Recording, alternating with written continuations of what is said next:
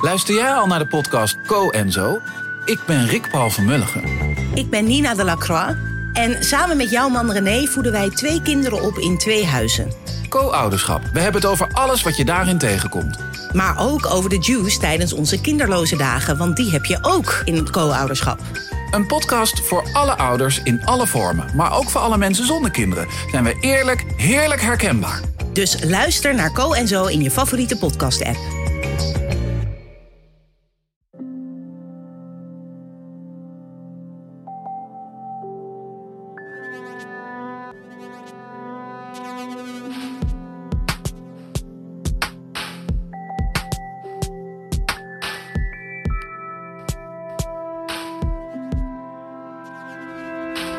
Hey, ik ben Pieter van Relaas. In Relaas hoor je waar gebeurde verhalen en die worden verteld door de mensen die ze zelf hebben meegemaakt. En ze komen tot bij jouw oren dankzij deze podcast en dankzij onze vrienden van de show. En onze nieuwe vriend van deze week, die heet Delphine Proot. Delphine, dankjewel voor je steun. Deze week in Relaas, Kelly. Kelly is een performer. Daar is heel veel moed voor nodig en ja, dat lukt niet altijd even goed. Kelly vertelt over zo'n moment waarop je jezelf helemaal in vraag moet stellen en wat daaruit allemaal kan voortvloeien. Veel toeval blijkbaar.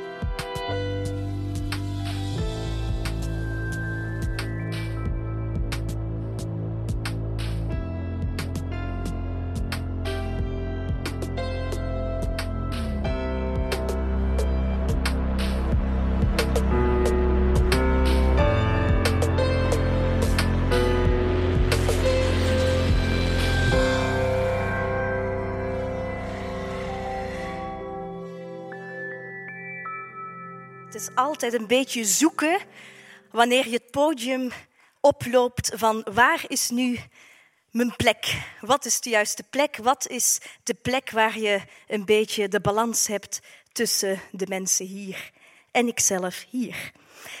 En dat brengt mij bij een hele leuke anekdote. Ik stond ooit in een weiland op gras, zonlicht en er zaten tegenover mij ongeveer 50 tot 60 mensen op een klapstoeltje. En die mensen die waren naar mij aan het luisteren, want ik was aan het zingen. Geen popmuziek, maar opera. Ik ben in mijn dagelijks leven operazangeres. En ze hadden mij geboekt voor een openluchtfestival klassieke muziek. En voor die gelegenheid had ik nieuwe schoenen gekocht zwarte stiletto's. Lak, zwart, goede 30 centimeter. En ik sta en bij, het laatste, bij de laatste aria die ik moest zingen, op het hoogtepunt bij mijn hoogste noten voel ik dat mijn hakkenschoenen in dat gras zakken. En dat er van mijn hoge hak slechts een soort ballerina-schoentje overbleef. Ik herinner mij dat moment nog heel goed, want dat is een van de weinige momenten geweest in mijn leven dat ik echt het gevoel had, ik wil weg. Ik wil weg van deze plek, weg van dit rare podium, weg van de mensen. Dus wat deed ik? Ik wachtte even tot het publiek verdwenen was. Ik graaide alles bij elkaar. Ik trok die stiletto's uit de grond. Ik stopte die in een plastic zak. Ik deed mijn sneakers aan en ik rende naar mijn kleine Nissan Micra. Klein grijs autootje. Ik zette mezelf daarin en de tranen begonnen te komen. En dat was een van de ja, van die momenten dat je met jezelf in de auto zit en dat je dan, in mijn geval als operazangeres, jezelf afvraagt, wat ben ik in godsnaam aan het doen? Moet ik dit nog wel doen? Moet ik dit blijven doen? Um, Twee weken later zou ik naar Nederland verhuizen voor een nieuwe productie. Ik had zelfs nog geen woonplek. En ik besefte van, goh, die onbalans die ik met mijn schoenen had, misschien is dat ook wel zo in het leven. Dus ik was een beetje met mezelf aan het filosoferen. En ik rij op automatische piloot naar huis, naar Limburg, dat u misschien al aan mijn accent hebt kunnen horen. Naar Mazeik is een mooi stadje aan de Maas. En er gebeurt iets waarvan dat ik graag wou dat ik het met u kon delen. Hoe? Maar dat weet ik tot op de dag van vandaag niet. Ik stop mijn auto niet bij mij thuis. Nee, ik stop die auto op de markt van Mazeik. En meer bepaald voor Hotel Van Eyck. En dat hotel ken ik heel goed. Dat is een hotel waar dat ik als 14-jarige ooit begonnen ben met mijn eerste studentenjob. Housekeeping. Vervolgens door naar de receptie. Daarna nog bij het ontbijt terechtgekomen. En ik parkeer die auto, ik zit in die auto en ik bekijk mezelf even in de achteruitkijkspiegel en ik zie dat mijn mascara nog halve links op mijn gezicht hangt. En ik besluit om mijn make-up af te doen en om mijn haren in een knot te gooien. En ik dacht bij mezelf, Kelly, zou ik naar binnen gaan of niet? Wat doe ik? En ik besluit om toch met mezelf dat hotel binnen te gaan. Het is ongeveer negen uur s avonds. En je moet weten dat hotel dat heeft van die lampjes van voor. En ik weet nog, dat was al vanaf dat ik daar ooit begonnen ben, vanaf acht uur beginnen die te schijnen, maar de linkerlamp werkt niet. Dus dat begint een beetje te flikkeren en dat weerkaatst in die ruit. Dus ik voelde even terug de spotlight op me schijnen, half belabberd. Ik ga dat hotel binnen, ik zie nog altijd hetzelfde, zwarte zeteltjes aan de linkerkant, het baargedeelte aan de rechterkant, het restaurantgedeelte. En ik stap daar binnen. En ik zie vrienden van mijn ouders zitten. Die wisten dat ik die avond een concert had. En ze zeggen, ma Kelly, jij ook hier? Had jij geen concert? Ik zeg ja. En ik begin dat verhaal van die schoenen te vertellen. En die mensen kregen medelijden met mij en ze geven mij een drankje. Ze trakteren mij op een glas rode wijn. De serveerster, dat is Lucie. En ook Lucie is nog identiek gebleven van mijn studententijd. Wij zijn samen begonnen. En Lucie komt naar me toe en zegt, Goh, Kelly, dat is lang geleden. Ik zeg, Lucie, werk jij hier nog? Ja, zegt ze, ik werk hier nog. En ze zegt, Kelly, er is eigenlijk iets heel raars net gebeurd. Want ik zie jou binnenkomen in ons hotel. En ik ben mensen aan het opdienen in het restaurantgedeelte. En die mensen waren net over jou bezig. En ik zeg, hoe, die waren over mij bezig? Ja, ik hoorde jouw naam vallen. En ja, ik weet ook niet hoe het komt, ik weet ook niet wie dat die mensen zijn, maar ik heb gezegd, kijk, die Kelly waar jullie het over hebben, die komt nu net binnen. En die mensen hebben jou uitgenodigd om bij hen aan tafel te gaan. Ik zeg, goh Lucie, dat is heel uh, fijn, maar het is een beetje onbeleefd, want ik zit hier nu met een glas wijn van mensen daar, vrienden van mijn ouders, die hebben mij getrakteerd. Um, dus ja, ken die mensen ook niet, jij ook niet. Um, ja, geen idee wat dat ik moest doen. Ja, zegt ze, uh, maar die mensen, ik ga toch nog een keer navragen of het ook wel juist was dat jij daar aan tafel moet komen. Ik zeg, doe maar op, ik zit daar gezellig met mijn wijntje. Ik babbel wat met die vrienden. Mijn glas is half leeg. En die Lucie die komt terug en die zegt, Kelly, het is toch belangrijk dat jij even naar die mensen gaat, want ze staan er echt op. Ik zeg, oké. Um, ik neem voorzichtig, beleefd afscheid van de mensen, vrienden van mijn ouders.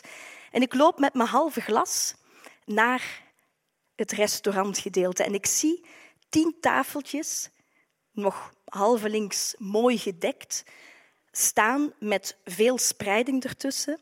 En ik kijk een beetje rond en ik herken niemand. Dus ik zeg, Lucie, waar moet ik naartoe? Ja, ze zegt daar, daar achter op het hoekje, daar zitten twee mensen. En ik zie inderdaad een man en een vrouw aan tafel zitten. En ik loop met mijn glas naar hen toe en er staat muziek op en, en mensen zijn bezig nog met het dessert. Er wordt nog dessertwijn gedronken, mensen spreken ook luid. En die twee mensen staan recht en die geven mij een hand en ze stellen zich voor.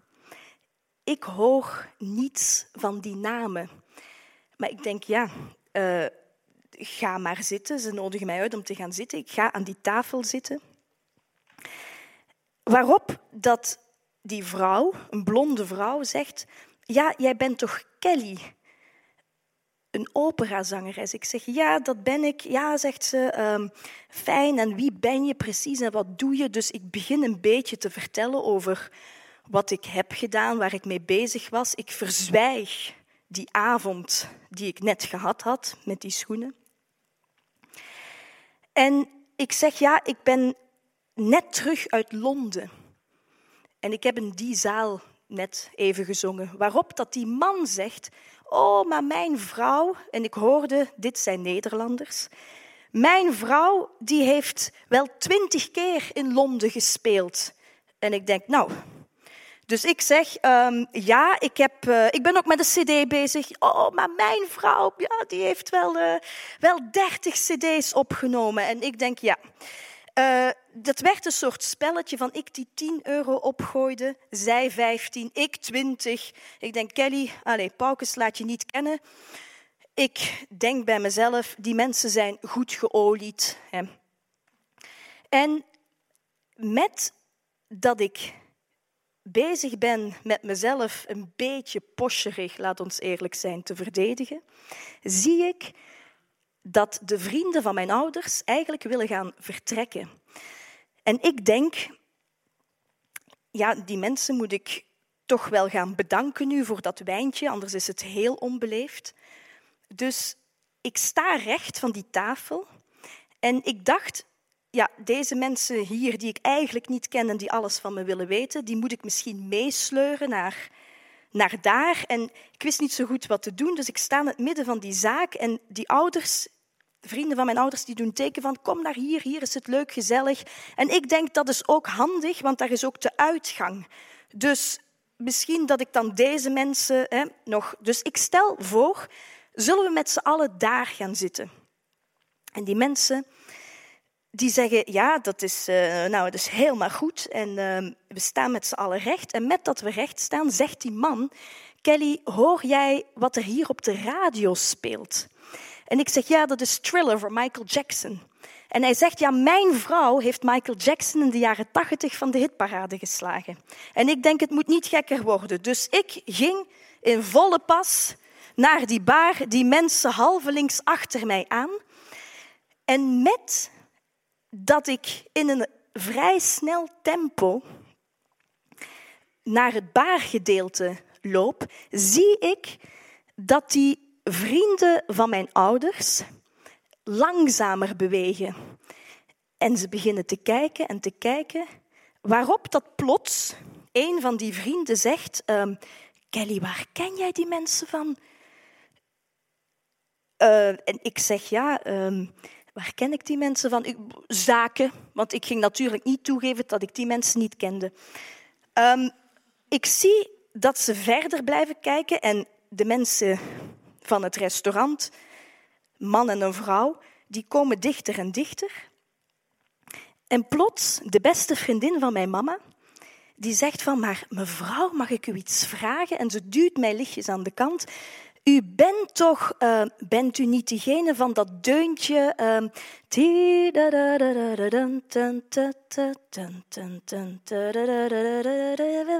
Met die dwarsfluit. En zij zegt, ja, nou, dat ben ik. En waarop dat een ander iemand zegt, maar uh, jaren Berdien, Berdien Stenberg. Ja, zegt ze, dat ben ik. Mag ik met u op de foto? Zeggen die mensen. En ik denk, oh. Dus terwijl dat helemaal plaatsvindt, ren ik lichtjes in een looppas naar het toilet. Ik haal mijn telefoon uit en ik typ in Berdien Stenberg. Nog nooit van gehoord. Nou, ik kom een Wikipedia-pagina tegen waarin dat ik de highlights heel snel lees. Um, Platina-platen, heeft de wereld rondgetoerd, Richard Kleiderman. Dus blijkbaar is er iemand beroemd geworden met een dwarsfluit. Oké. Um, ik loop terug met volle glorie en volle pas naar dat baargedeelte. En die vrienden van mijn ouders die zeggen van, nou Kelly, wat, wat fijn, we wisten helemaal niet dat jij hen zo goed kende. Ik zeg, ja, surprise. En vervolgens blijf ik alleen achter met Berdien, haar man Pieter. En Lucie, de serveerster. En Lucie zegt, Kelly, het is laat, wij moeten die zaak sluiten. Maar, zegt ze, de codes zijn nog hetzelfde. Dus ik krijg de codes van het hotel nog snel op een bierkaartje en ze zegt, het alarm, je weet nog alles hoe het werkt. En het geld legt dat maar naast de vlaaienschalen. In Limburg van die vlaaien. Ik zeg top, helemaal top. Dus ik zit plots alleen met Berdien, met Pieter. En we besluiten om nog een flesje sherry erbij te nemen. En we gaan zitten en Berdien had natuurlijk door dat ik helemaal niet wist wie zij was. En ze zegt van, ja, zegt ze, maar ik ben niet zo belangrijk, maar wie ben jij? Want, zegt ze, het is toevallig dat wij hier met z'n tweeën zijn. Ik presenteerde normaal het fluitconcours iets verderop in Nederland en daar liep iets mis met het hotel. Dus wij zijn heel toevallig naar hier uh, overgebracht. En wij zijn snel iets aan het eten en mensen verderop die hadden het over, ja, maar heeft een, heeft een rare operazangeres. En met dat moment kom jij dat hotel binnen. En die Lucie, die komt langs met onze drankjes. En wij vragen, is er een operazangeres? Ja, zegt ze. En die komt hier nu binnen. Dus wij dachten, dat is toeval, die moet even bij ons aan tafel. Dus wat gebeurt er? Berdien vraagt aan mij, maar Kelly, wie ben jij nu? En hoe, hoe loopt dat? Hoe doe je dat, dat zingen? En ze vertelt ook een beetje over zichzelf. En ik zeg tegen haar, Berdien, ik ben vandaag voor het eerst door de grond gezakt van schaamte.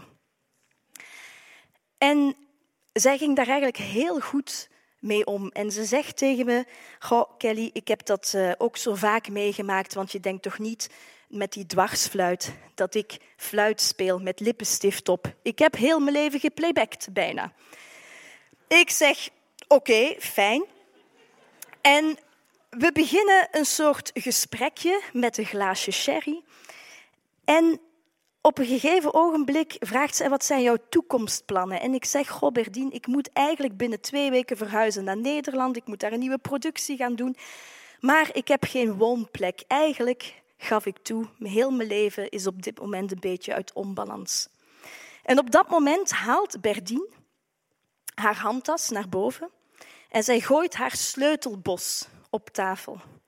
En ze zegt, Kelly, toeval bestaat niet. Ik ben al heel lang op zoek naar iemand die in mijn huis kan komen wonen in, in Almere. En mijn productie was in Amersfoort, een beetje geografie, dat is met de wagen een kwartiertje van elkaar. En zodoende heb ik anderhalf jaar in het huis van Berdien gewoond. En heeft Berdien mij de waarde van ontmoetingen geleerd. Het woord zegt het zelf, het ontmoet. Het mag, het gaat vanzelf. En door die ontmoetingen aan te gaan, dat heb ik ook van Berdien geleerd, sta je hoe dan ook altijd recht in je schoenen. Dank je wel.